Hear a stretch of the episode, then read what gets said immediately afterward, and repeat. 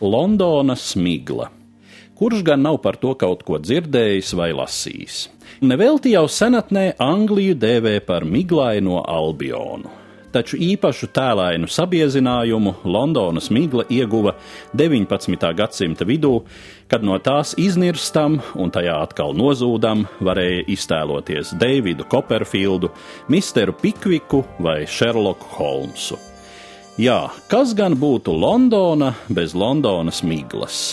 Tomēr poētiska un valdzinoša šī parādība var šķist tikai no attāluma.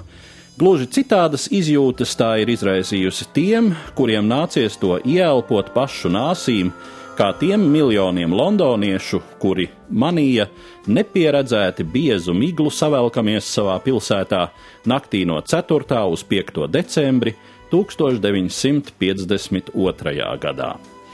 Patiesībā jau Londonas migla nav nekāda migla, tas ir smogs atmosfēriskā mitruma sajaukums ar apkuras sistēmu, rūpnīcu un transporta līdzekļu izmešiem.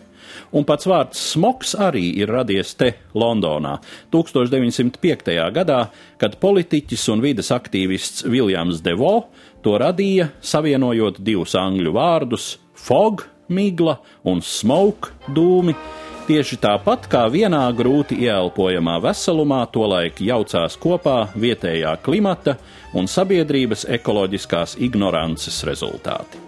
Jau 17. gadsimta vidū literāts Džons Evelīns rakstīja par ellišķīgajiem un nospiedošajiem akmeņogļu kvēpu mākoņiem. 1813. gadā pēc Ziemassvētkiem Britu galvaspilsētai uzkritusi tāda migla, ka princim reģentam nācies griezt apkārt tā arī netikušam līdz parlamentam. Biezajā miglā ceļu nav redzējis nec zirgs, nec kučieris, bet pašam princim nepavisam negribējies sēlpoties šo miglu, kas nepārprotami oda pēc akmeņogļu kvēpiem. Jaunas smaržu nianses Londonas miglai piešķīra industriālā revolūcija, kad saurupmāju skursteņiem pievienojās arī fabriku dūmeņi. Migla vairs nebija pat palsa, tagad tā bija dzeltenīga kā zirņu virums un atstāja uz lūpām nepatīkami skābenu garšu. Šo miglu tā arī iedēvēja par peace soper, zirņu zupenieku un sevišķi biezu to londoniešiem nācās baudīt 19. gadsimta pēdējās desmitgadēs, kad pašmāju gaisa piesārņojumam pievienojās arī izmeši, kurus vēji atnesa no kontinenta, visvairāk no Reinas un Rūras krastiem. Un ap šo laiku arī tika fiksēti pirmie statistikas dati, kas liecināja, miglas periodos Britu pilsētās nepārprotami palēcas nāves gadījumu rādītāji. 1952. gada decembrī baisie rādītāji sasniedza savu apogēju.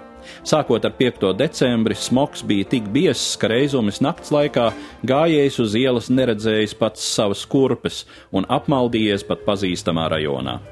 Smogs iekļuva arī mājās, teātri un kino pārtrauca izrādes un filmu seansus, jo no zāles vairs nav redzējuši skatuvi vai ekrānu Ikdienas nāves gadījumu skaits, kas normāli Londonā nepārsniedz 300, jau 5. decembrī tuvojies 900 un palicis šādā līmenī līdz pat 9. decembrim, kad migla sākusi izklīst.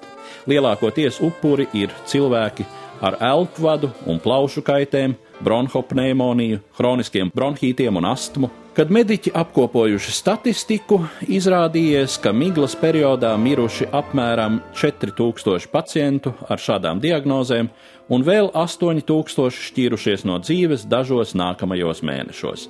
Tātad kopējais 1952. gada miglas upuru skaits ir apmēram 12000.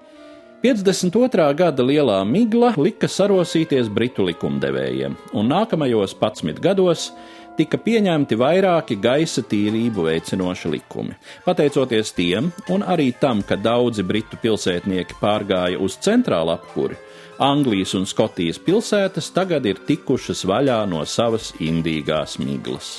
Saulainu dienu skaits Londonā mūsdienās ziemas periodā nav mazāks, ja ne pat lielāks kā Rīgā, bet uz klišajām orientētiem turistiem tiek piedāvāts iegādāties Londonas miglu buļģiņās un lietus mēteļus ar firmas zīmi London Fog.